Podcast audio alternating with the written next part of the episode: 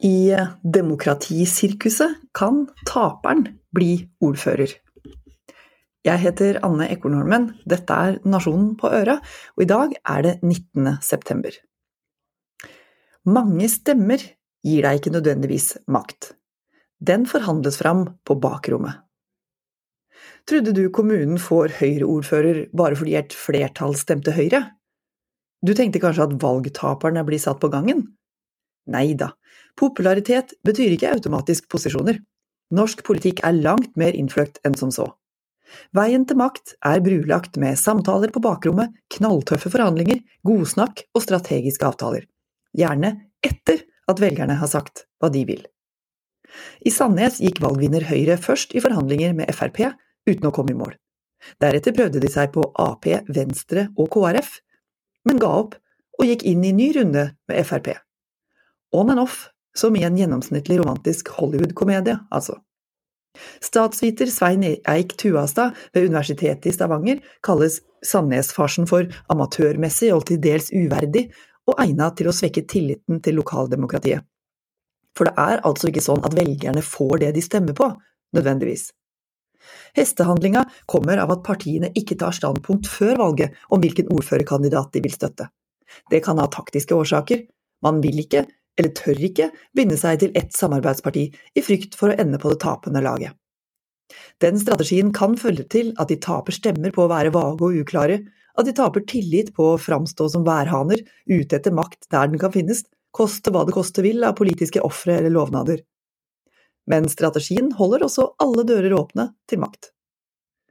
Ap, SV og MDG har styrt Oslo sammen. De tapte valget. Eirik La Solberg fra Høyre vil ta makta som ny byrådsleder, men har ikke mandater til å gjøre det aleine. Han vil samarbeide med Venstre. Venstre vil gjerne ha med MDG i et blå-grønt byråd. MDG er villige til å skifte side. For dem er det skitt samme om det er Venstre eller Høyre som styrer, bare de får ha ei miljøvennlig hand på rattet. Solberg betakker seg. Foreløpig. Han veit så klart at mange velgere snudde ryggen til byrådsleder Raymond Johansen nettopp fordi de mente at Ap-byråden ga MDG altfor stor makt i hovedstaden.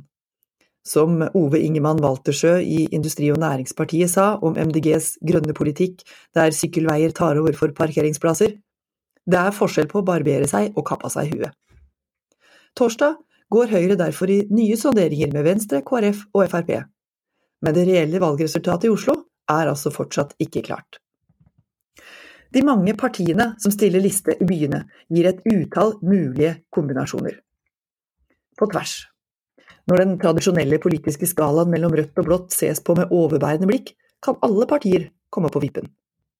Ideologisk ståsted overskygges av personkjemi, lokale hjertesaker, tidligere uenigheter, gammelt agg og nyvunne allianser. I Innlandet foretrekker Ap samarbeid med Høyre, i stedet for å gå videre med regjeringspartner Sp. Aps Thomas Breen sier partiet har vært konsekvente i budskapet siden februar, om at de ønsker et rød-grønt samarbeid, men samtidig åpner for å samarbeide med andre. Dette er mine prinsipper, hvis du ikke liker dem, har jeg andre, som den amerikanske komikeren Groucho Marx sa. I trøndelagskommunen Skaun får Ap ordføreren, og skal samarbeide med Høyre, KrF og SV, sjøl om Senterpartiet fikk flest stemmer. I Oppdal blir det venstreordfører med Ap som vara. Rennebu skal styres av Senterpartiet og KrF.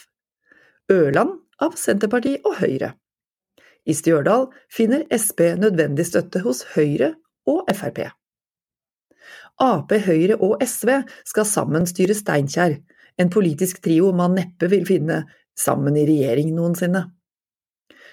På nasjonalt nivå vil du kanskje tro at Arbeiderpartiet og Senterpartiet ikke vil samarbeide med Rødt, men pytt, i Hitra kommune skal de det, og får SV med på laget.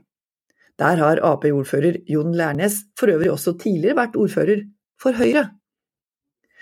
Midt mellom KrF, INP, Frp og Sp finnes det pragmatiske flertallet i Hustadvika i Møre og Romsdal. Mens Ap og Pensjonistpartiet står sammen i Eidskog i Innlandet, uten regjeringspartner Sp, som der tradisjonelt ses på som borgerlig. Ap-Høyre-konstellasjonen er ikke uvanlig ute i landet, men når du får valgtekniske samarbeid mellom, hør nå, Senterpartiet, Arbeiderpartiet, Høyre, SV, Frp og Venstre, som i Tynset kommune, da går det an å si at alle skal med. Det var nok også tanken til de sju partiene i Østfold som danner flertall i det gjenoppståtte fylket. Med SV, Senterpartiet, MDG, Pensjonistpartiet og Rødt i ryggen, samt støtte fra Industri- og Næringspartiet, kan Arbeiderpartiet ta ordførerkjødet ut av hendene på Høyre, som fikk flest stemmer. Det blir i grunnen som å bestille fiskesuppe på restaurant. Kjøkkenet ser nok hva flertallet ønsker å spise, men kelnerne har snakka sammen og kommer i stedet ut med et koldtbord av ulike retter. Håper det smaker! Dette var Nasjonen på øret. Jeg heter Anne Ekornholmen, og flere kommentarer finner du opplest på nasjonen.no, og der du hører dine andre podkaster. Ha en god dag!